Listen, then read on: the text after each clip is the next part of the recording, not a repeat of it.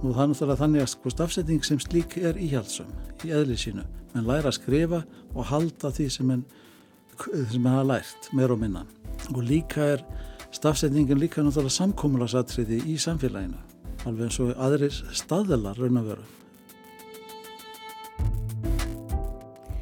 Við erum enni stafsetningar hugleðingum hér í orði af orði og eftir að hafa fjallað um deilur um stafsetninguna á Íslendingasögum í hrappkvöllumálunu svo kallaða leik okkur forvitna á að vita meira um samræmda forna stafsetningu.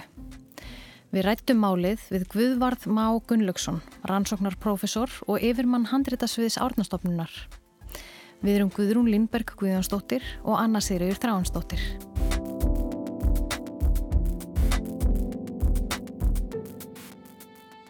Þegar að Ludvig Wimmer danskur málfræðingur bjóður raun og verið til það er reglu sem við förum eða farið er að mestu eftir og hefur verið farið eftir eh, síðustu þá 140 árin eða svo. Þá raun og verið sko sett hann bara strángari reglur um við hvað þetta miða eða nákvæmari reglur. En fram að þeim tíma höfðum en verið að samræma stafsetningu. Og það er náttúrulega þannig að sko stafsetning sem slík er íhjaldsum í eðli sínu menn læra að skrifa og halda því sem menn e, e, sem menn hafa lært, meir og minna og líka er stafsetningin líka náttúrulega samkómulasatriði í samfélaginu alveg eins og aðrir staðelar raun að vera og hérna þannig að þegar hérna, e, fyrir tímavimir á 18. og 19. öll þá var e, í fóturitum oft samræmt e, vegna þess að hérna menn letu til fortíðarinnar með ákveðnum augum ég vil náttúrulega segja semst endilega með glíu augum en svona það var málið var hreitna þá og fallegra og svo framvegis og stafstæðingin var þar lendi betri þó hún væri ekki alveg samræmt og þess vegna voru óttum en til að samræma sko sumir aftur 12, til 12. aldar máls aðir heldu og aðri til hérna 13. eða 14. aldar eða jæfnvel 15. aldar máls nei, líklega ekki 15. aldar en 13. og 14. aldar og þetta var sitt á hvað en hins að vantæði málvísindarlegan grundvöld fyrir því að, að þetta væri e, hvað sem henn voru að gera þannig að þetta var meira eftir tilfinningu og það sem eru heldu að vera rétt heldur en endilega sem e, málfræðingar hafa komist að síðar er þá rétt þannig að þetta helst náttúrulega svolítið hendur að að þessar bækur voru kannski svolítið ómerkvið stafsendingin þarlegandi. Það getur verið inn í það sem einhverju vildi samaræma til stafsendingar að fróða á 11. neða á 12. öld að það voru kannski svo inn í atriði sem, áttu, sem voru sko e, ókunni málunum hans tíma og kom ekki inn fyrir gefil á 13. eða 14. öld. Þannig að sko það var svona ósamaræmi í því. En Vimmer sem svo draunu veru Hann tók af skarið má segja og setti svona nákvæmari reglur um það við hvað þetta miða. Hann taldi þetta með við um 1300 eða litlu fyrr en svo eiginlega allt sem hann segir og sínir er ávið sko fyrir lutta 13 dólar eða jafnvel um 1200 eins og til dæms að greina melli tveggja tegunda ö. Tvennskonar ö var notað á fornum handritum. Annars ö er gegnum strykað ö eins og nú notað í dönsku og hins vegar svo kallar litju ö með litlum krókniður úr stafnum. Þessi stafir hafðu aðeins mismunandi hljóðgildi og þegar munurinn kvarfi í framburði var hægt að gera greinarmun á þeim í rytmáli. Ástæðan fyrir því að menn samræmdu svona því að það er ekki gert í sænsku og dönsku er meðalans svo að hérna, það álit sem menn höfð á íslensku þessum fræðimenn á Norðurlandum og kannski víðar höfð á, á íslensku og það var það að hún væri eða fotn íslenska væri norræna líka kolluð, væri sem sagt hérna móðir tungna á Norðurlandum, alveg svo latínan væri móðir fransku, ítölsku, spænsku.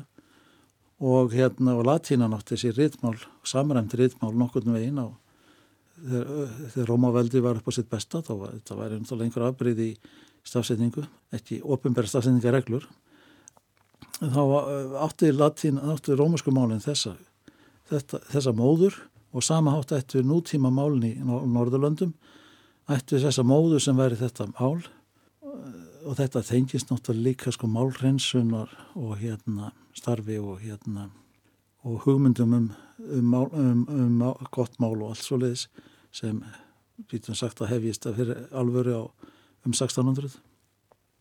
Þess vegna völdu menn sko prenta tekstana með einhverju samræmingu eins og er heldur að hefði átt að vera en ekki endilega eins og er best að hafa núna. Alveg eins og með prentu latína eins og hún var á tímum ja, Cíceros eða Virgils eða slíkra manna eða Donatösar en ekki sagt eins og hún var á töluð á 13. öld eða krúleis. Latína náttúrulega hafði þróast og miðaldalatína er eitthvað er ekki alveg að sama og hérna fornaldalatínan. Þannig það voru einhvers líkar hugmyndir á lofti sem ég held að hérna hafi sem ég skilst að hafi hérna leiði þannig baki og sem dæmum þetta má nefna að, að, að svíjum og dönum hefur aldrei dótt í hug að, sam, að búa til samræmda stafsendingu danska og sænska fótteksta vegna þess að þeir eru bara afbreyði af þessu framhald, þeir, þeir eru ekki móður tungan svo þegar að hérna þessi kannski hugsunáttu deyri út þá um móðutunguna þá er sittur eftir að, við, að í norrannu fræðum þá samræmum en fótn íslensku og fótn norsku en samræm ekki fótn dansku og fótn sænsku.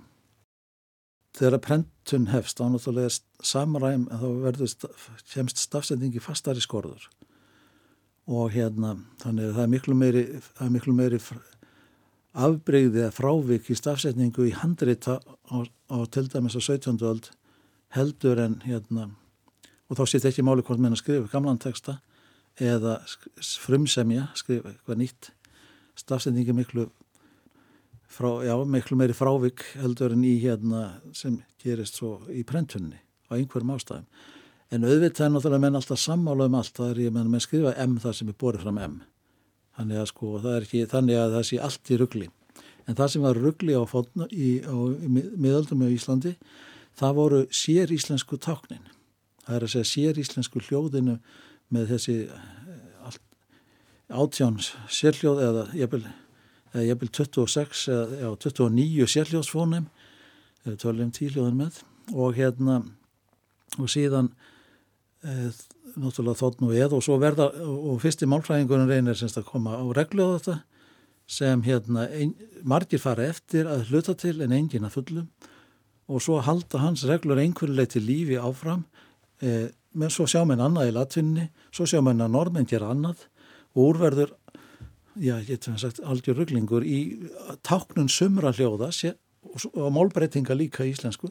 Þannig að táknun hljóða eins og ö og það sem við segjum í dag æ já það er mjög mörg takk sem er notuð og, og hérna allt upp í tíu heldur fyrir sem hljóðin og þegar kemur fram á 17. aldum en að skrifa upp þessa gamlu texta þá skrifa þeir upp að einhverju leiti hefur forritið áhrif en að sömu leiti skrifa þess eigin stafsetningu mm. en þannig að það er meiri frávik í þeirra stafsetningu heldur en þeir eru semja kannski eigin brjósti eitthvað en einn og einn maður eins og Kjetil Jörgundsson Afi Átna Magnússonar og og Ottur og Reynivöllum þeir hérna þeir voru bísnað samkvæmi sjálfum sér í hvernig þeir táknuðu.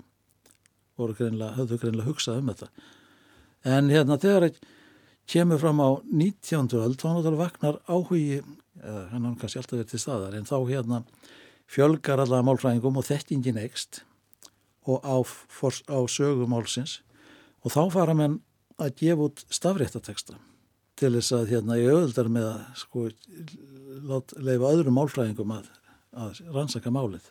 Vegna þess að þeir sem rannsaka hljóðkerfi og beigingar þeir þurfa einlega stafrætt að texta til þess að hérna glíma við. Samræmingin þinnir út mismunandi, getur þinnt út hérna hljóðgildi og, og hérna eðilagt fyrir beigingafræðingum Stafrættir textar eru nákvæm endurgerð á frumtekstanum eða því handriti sem er til aðtögunar hverju sinni Þá er ekki vikið frá stafsetningunni, hún er ekki stöðluð eða færð til nútíma horfs. Þannig að þá kemur það upp að þeir fara, og, og sögumir eins og Konrad Íslands, hann gætt verið mjög nákvæmur í þessu. Stuttu setna fara með svo prenta ljósprent, steinprent, ekki semst ljósmyndir, heldur steinprent. Og þá minkar áhugin á, hérna, aðeins áhugin á, hérna, á hérna, stafréttum útgáðan vegna þess að þá er hérna svo þá var þetta vísamennum í ljósprentið og vegna það er, það er bara örf á menn sem lesa það hvort þið er og þá er kannski öðuldara betra að samræma eitthvað í stafsetninguna þannig að almenningur og aðrir sem ekki er áhuga, sem hafa áhugað inn í aldi textans geti lesið. Þannig að þessar, þessar prent, steinprentsútgáður eru hugsaðar fyrir fræðmenn? Það er, já, upphafi, ég held að Og stafréttu, útgáðunar? Já, já stafréttu útgáðunar fyrir fræðmenn, absolutt, og ég held að fyrstu ljósbreyndina veri ætlu verið fræðmenn en kannski líka fyrir bara einhverja sem hefur áhuga að eiga svona, það er alltaf svo leiðis og setna verður þeirra að fara að gefa út vegli ljósprent á 2000 í Köpunöfn og svo hér, setna hér á Íslandi. Þá er líka hugsað um hérna að þessi veglegar og fallega bækur að bókasafnarar og fólk sem hefur áhuga á þessu vill eiga svona veglega fínt, fínan grip eins og lit ljósprent af Skarsbók Jónsbókar sem var gefin út hérna á nýjunda áratögnum það verk er, var kannski ekki bara hugsað fyrir fræðmenn heldur líka bara fyrir al, almenning sem hefði áhuga. En er það það þannig að því að Vim er uh, samræmir stafsýtinguna, fórunu, mm -hmm. Þá er farið að gefa bækur almennt, Íslandikasögur allavega og svona fórnuritt almennt út með þeirri stafsýtingu eða hvað, ætla almenningi eða ætla sem sagt bara hinnum almenna lesanda. Já. Já, það var, hugsunum var svo að þegar mann gefa þetta út þá var náttúrulega er þetta ætlað almenningi í stórun sko að hluta til. Suma, stund, fyrstu útgáður er kannski ætlaðir hérna fræðimannu því það eru kannski með frumtakstan og svo þýðingu á latínu og sænsku eða latínu og dönsku. Síðan þegar kemur fram á, á, á 17. átjönda aldar þá er farið að gefa út tekstan bara, bara tekstan á frumálunu. Dæmi er hérna til dæmis Njála eh, frá 1772 að hérna, það sem textinu frumálun og engin þýðing og hérna þannig að þetta er bara ætlað Íslandingum og uh, þar til dæmis síast eð í fyrsta skipti held ég á prenti eða allavega en fyrsta bóki sem notar það hérna eh, reglulega eða, Já, svona eftir að það var endurvækið. Eftir, Þannig það er Já, það er einlega raunverð ekki fyrir endurvækið almennilega fyrir að rask Já, ekki fyrir 19. áld fyrir rask vildi að nota það það, já, þannig að það er semst notað á þessu forna Það er notað, það er notað í þessari njálútgafu sem Ólafur Ólafíus gaf út 1772 en annars er það sérsta líti fyrir ná fyrir ná 1820 en Rask, hann vildi hann eh, náttúrulega rannsakaði málið og var náttúrulega brautriðandi í að sko málsögur rannsóknum. Að, og þannig áttaði sig á mörgum mörgum hérna breytingum sem hafðum ekki alltaf að segja á áður. Og hann vildi raun og veru nota stafsetningu, hann leitt að íslenska og fotníslenska værið bara sama. Þannig að hann vildi raun og veru nota stafsetningu sem, sem næði kortækja, þannig að hann samræmdi ekki óskaplega mikið til fotmálsins en samt dalti mikið fyrir okkur í dag. Þar sé hann var svona mitt á milli.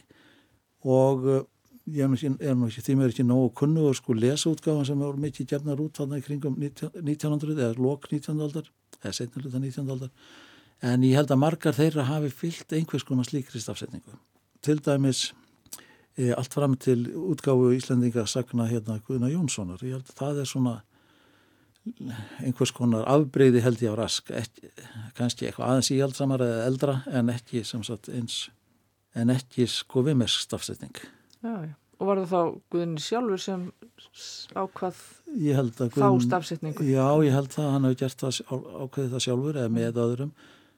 Hann, hann vildi semst ekki gefa út saman nútíma stafsetningu, hann fannst það ekki rétt, en hann gekk ekki eins langt eins og við mér vildi gera og Sigurður Nordal hafi gert í eilsög útgáfu þarna stuttu áður sem fyrsta bindi íslenskara foturita sem kom út. Það sem var stafsetning við mest var svona mestu notuð og síðan við kvöllum hann oft hérna fótritafélags stafsetninguna eða, eða hinn hin almenna eh, hinn almenna samrænda stafsetning fótt sem við tölum um Guðni Jónsson, profesor, bjó Íslendingasögur til útgáfu hjá Íslendingasagna útgáfunni og komið þær út á 5. og 7. áratug 20. aldar. Nokkru áður hófst útgáfa hins Íslenska fornréttafélags. Og er, sko þessi réttröð Íslensk fornrétt er enn, það er enn verið að gefa út Já. bækur í þeirri rítröð og þær eru allar með þessar samræmdi stafsendingu enn, enn þann dag í dag? Ekki alveg, það er að segja að þær eru allar með stafsendingu sem er samræmt til fortíðar en eh, það er aðeins mismunandi hvað gengir lánt. Til dæmis þegar Jakob Beinriðsson gaf út Íslandingabók og landnámu 1968 í einni bók, þá hérna hafði hann mismunandi stafsendingu á Íslandingabók og landnámu. Hann hafði sem sagt vimmer stafsendingu sem nokkur neginn eða fótt þetta fyrir stafsendinguna á, á landnámabók en gekk lengra í Íslandingabóku saman kringum 1120 og þá hérna gekk hann lengra og hafði sem stóltu stafsendingu á henni sem hann hérna gerði þarlegandi til dæmis greinamenn og tveimur áum sem ekki er annin að gera. Eh, og hérna og skrifa til dæmis það líka A í orðum eins og hálfur og svoleiðis úlfur og en eh, sem reyndar ætti líka að gera í, í vimmistafsendingu það er hlutu sem vimmir honum sást yfir að því þannig 13. aldar stafsending ætti raun og veru líka með ja, þessi samrænda stafsending sem ég hef við þannig að byrjun 13. aldar ætti að vera með halfur og ulfur, ulfur og skrifa þannig en, en svo líka hafa menn gefið út sko verk sem eru yngri en frá 13. ald í fótættafélagsútgáðinu eins og Laurentíusögu biskups sem er skrifuð á kannski 1340 um eitthvað svo leiðis og hún er hérna og þá er samaræmt til 14. aldars stafsendingar og þá er það orðið mjög líkt þeirri stafsendingu sem Guðni Jónsson áttaði og raunöveru og, og, og, og líkist nútíma stafsendingu miklu meira heldur en hérna þessi við með stafsending Sko hvað atriði eru þetta? Ég sé hérna ef ég opna sko kjálnesingasögu þetta er útgafa íslenskra fornrita. Í þriðja kapla, upphæðið þriðja kapla að það getur við strax séð maður nefndur, þar sem stendur maður nefndur, þar sem er ekki orðið þetta uinskott sem að segir sína sögu og sko hér er setan á sínum stað, hérna stendur ok í staðan fyrir ok, hún, nei hún í staðan fyrir hún, en svo sé ég að það er ekki gerðu greinamunur á þessum tveimur mismunandi ægjum, ef svo má segja. Akkur er það? Hvernig er þetta valið? Þá hefur hérna höfundurinn var líklega talið að sagan sjálf, ekki höfundurinn heldur, hérna útgifandin, talið að hérna sagan sjálf hafi verið samin eftir samfall þeirra og þess vegna gengur hann ekki alveg eins langt. Já. En Sigur Nordal þegar hann byrjar með eigilsögu þá telur hann náttúrulega að Snorri Sturluson hafi samið hana og leifir sér talend að nota við með stafsendinguna svona okkur ná einn. Eh, sennilega, sennilega óbreyta, ég hef ekki aðtöða það hvort það er einhver frávik. Ég held mér skjáttlist ekki, ég sé ekki neinstar, það er allt bara sama ægið. Og þar lendir bara eitt ö. Já, það er ekki sérst greinamunur á gegnumstrykkuðu og, og likju. Nei, en er það skrifað þá ö með tveimur deplum? Já. Ok, já. Æfniðinni þá var, hefur þessi útgjáðandi bara talið að það veri fölsun og sögunni að fara að færa stafsetningun aftur og byrja upp á 13. aldarist að þess sagan væri það mikið yngri og þannig, hefur, þannig held ég að fótrættafélagsútgáfan sé svona oftast það er, er að segja þeir taka aðeins, taka aðeins miða því og reyna að vilja ekki ganga oflánt í að fara tilbaka en þetta sé atriðið sem nefnir sko þetta er, er mest áberandi fyrir okkur er uinskotið sem hérna náttúrulega byrjar kannski á 13. öld en og er sennilega gengið yfir um 14, 1400 ég allavega þegar ég skrifa ennsku þá skrifa ég hérna í nöfn á samkvæmt fóðin íslensku hætti fram til með auð og ólafr fram til 1400 ef maðurinn var fættur og orði fullorðin fyrir 1400 en það var yngri þá ólafur U-innskott kallast svo málbreyting þegar farið var að skjóta U-i inn á milli tveggja samhljóða í áherslu lausu atkvæði í enda orða þegar setna samhljóðið var erhljóð, til dæmis í orðinu maður sem í fornum rítum var skrifað M-A-E-R. Önnur dæmi sem oft eru nefnt eru um orðin fiskr og fegurð, sem urðu fiskur og fegurð. Talið er að þessi breyting hafi að mestu verið gengin í gegn undir lók 14. aldar, þótt sumir fræðimenn telja henn hef ekki verið lókið fyrir henni í byrjun 16. aldar það sem mest áberandi er þetta einskott, það er K í staðin fyrir ég í orðum og OK og ég og svo leiðis og þig og mig og tje tíu staðan fyrir eð í orðum eins og að og við, við í fornamnið, það. Þannig þetta er heldur svona sem mest áberandi þegar maður tekur strax eftir. En síðan held er, ég held að maður tækir tæk, kannski minna eftir öðunum nema því að öðin eru sko, táknin eru aðeins framandi.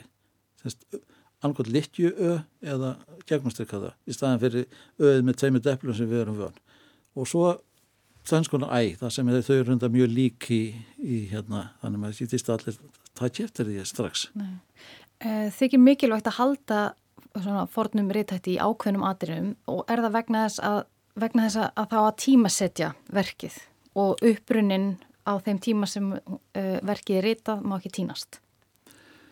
Já, það er einhver, það, það er þessar einhver svona leifar, eh, ég ekki hvort það er rétt að segja leifar, við erum bara ennþá held ég með hugsun á þann hátt að fóttritin eigi að vera með þessum uh, stafsetningu frá fótnum tíma.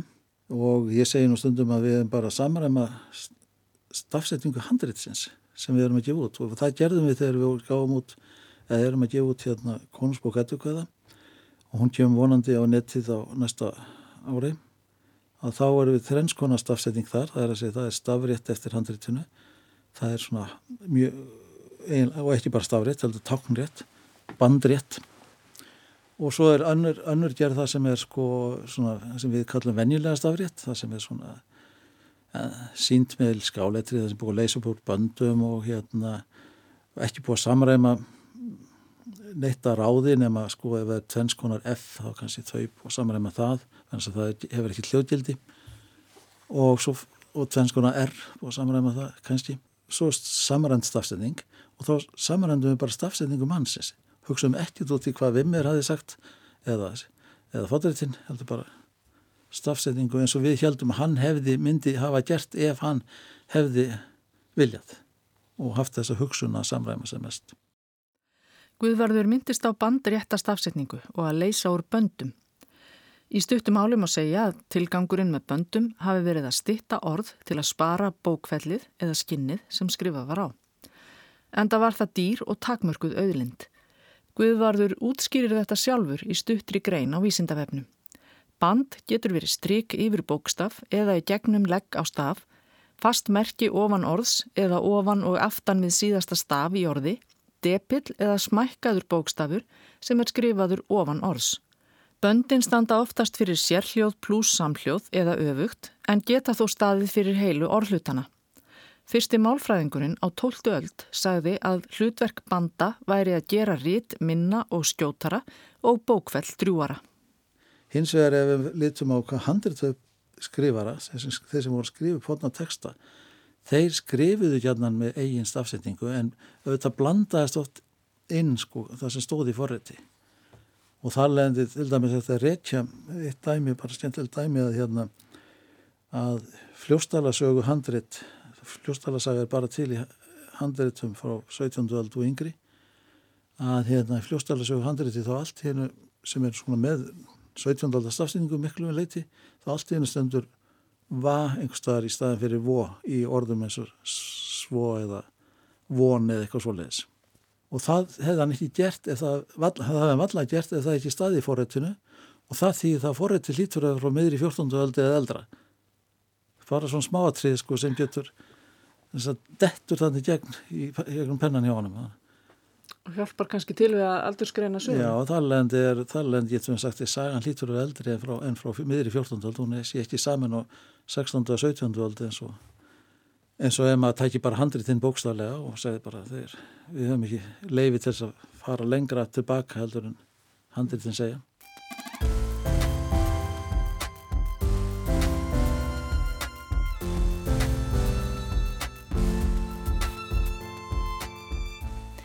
Við myndumst í upphafi á hrappköllumálið sem við höfum fjallað um í öðrum þætti og vakti áhuga okkar á að vita meira um samræmda stafsetningu forna. Upphaf þess var að Haldur Lagsnes, Ragnar í Smára og Stefán Augmundsson hugðust gefa Íslendingasögur út með nútíma stafsetningu. Alþingi setti þá lög sem bönnuði það, sögurnar mátti bara gefa út með samræmdri stafsetningu. Þeim lögum var nekt með hæstaréttardómi þar sem þau voru talin brjóta gegn prentfrelsis ákveðum stjórnarskrárinnar. Uh, Haldur Lagsnes, hann var mikil talsmaður þess að gefa Íslandingasögur út á, á nútíma stafsendingu og hann sagði í grein 1935 uh, Fordmenn skrifuðu máli með sinni stafsendingu, við skrifum sama máli með okkar stafsendingu uh, útgáfur fordritana eiga að fylgja þeim breytingum sem stafsendingin tekur um leið og tímanni líða því aðeins haldaði áfram að vera ný og lífandi fyrir íslenska lesendur öll fram að völd Það er fjandskapur við fortbókmyndir vorar að setja þeir af stafsetningar ástæðum utan við lifandi rítmál þjóðarinnar eins og það er á hverjum tíma. Og svo segir hann líka samrænda stafsetningin þetta kvimleiða málfræðinga Esperanto.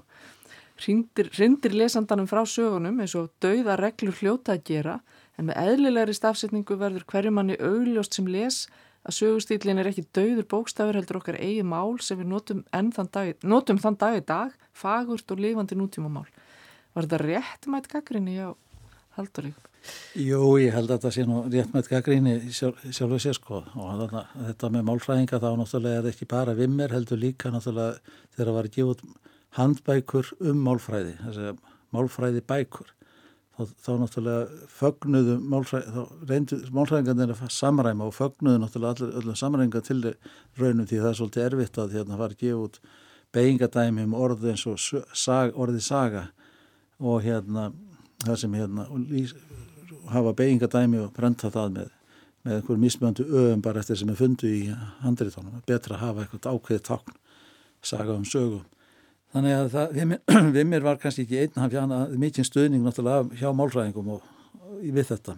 Eða þeir fagnuðu held í þessu og sögum eru kannski byrjaður einhverleiti áður á þessu. Þannig að, að það er eðlert að haldur kalli þetta hérna, málfræðingast esperanto.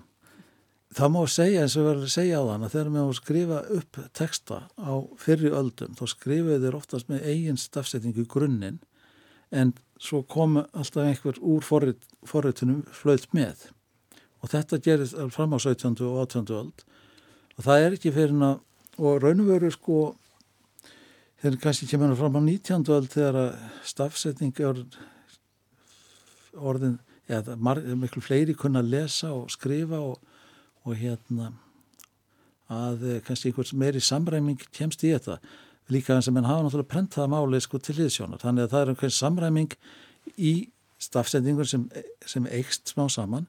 En ég held að menn hafi ekki verið eldast mikið við fótmálið sjálfu sér þegar voru að skrifa upp þó það flytti alltaf eitthvað með. Þannig að og, þannig að handrið fram á sem voru skrifið alveg fram um 1800 ég held að þau með síu flest með svona eigin stafsetningu en hvert með sínu móti þannig að það er rétt í haldóri að við höfum hérna þetta er hefðin. Og það er líka og Jón Helgason segir einhver staðar hann, hann segir það sama einhver staðar. Ég man á hjálp í hvað, hvað hann sagði hvort það er handrið að spjalla einhver staðar staðar. Þannig að þetta er sumuleg til rétt með gaggríni en á himbógin lifir hérna í, hjá okkur endan dag í dag þessi hugmyndum um hérna sko, sem byggist á því að þetta verður móðir allra norðna tungna en svo er svo hugmynd kannski farin eftir stendur að við höfum alltaf gert þetta og útlendingar læra lesa sögurnar á þessari stafsendingu og ef við viljum útbreyða íslenska hérna menningu og, og láta það kenna í fotníslensku viðum heim í Kína og Japan og Ástralíu og Síli og svo framvegis e, þá er miklu betra að það sé á samræmdi einhverjus konar samræmdi stafsendingu og það er svolítið erfitt að vera að skipta allt í núna þannig að þetta fólk þó ekki til lesið hérna e, einhverja fotnaldasögu og hérna heimskringlu þá getur það kannski ekki lesið Íslands dagblad þannig að það, þannig hafum við ákveðnar þannig hafum við búin að koma okkur kannski er búin að mála okkur út í hodn með þessu en við erum allavega komin á þann stað að ég held að við verðum að halda áfram að gera þetta. Já, það er kannski nöðsynlegt að halda áfram að gefa íslensk fornrið út með samræmdri fornrið stafsetningu. Auk þess þarf að gefa þau út á formi sem hendar fræðumönnum. Og almennt er nú orðið viðurkjent að það er eðlilegt að hægt sé að nálgast þau á þeirri stafsetningu sem við líði er hverju sinni. Guðvarður Már Gunnlaugsson leitt okkur í allan sannleikanum samræmingu á stafsetningu við útgáfu fordrita og við komumst að því að hún er allt annað en einföld. Teknimaður þáttarins er Lítiða Gretarstóttir, Anna og Guðrún Kveðja.